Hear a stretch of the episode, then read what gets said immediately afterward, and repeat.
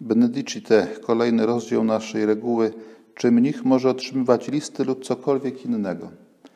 Ten surowy zakaz, który tutaj święty Benedykt formułuje, że nie wolno niczego przyjmować bez pozwolenia opata, jest analogiczny do wcześniejszego, z którym już spotkaliśmy się, kiedy święty Benedykt mówi o tym, że w żadnym wypadku nie wolno jadać poza klasztorem.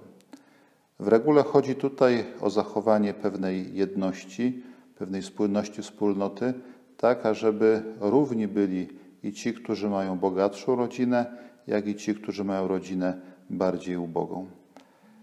W analogiczny sposób, myślę, traktujemy przecież tak samo nasze życie rodzinne, kiedy staramy się wszystkie dzieci traktować sprawiedliwie, żadnego z nich nie wyróżniać, ale każdemu z nich okazywać jedną miłość.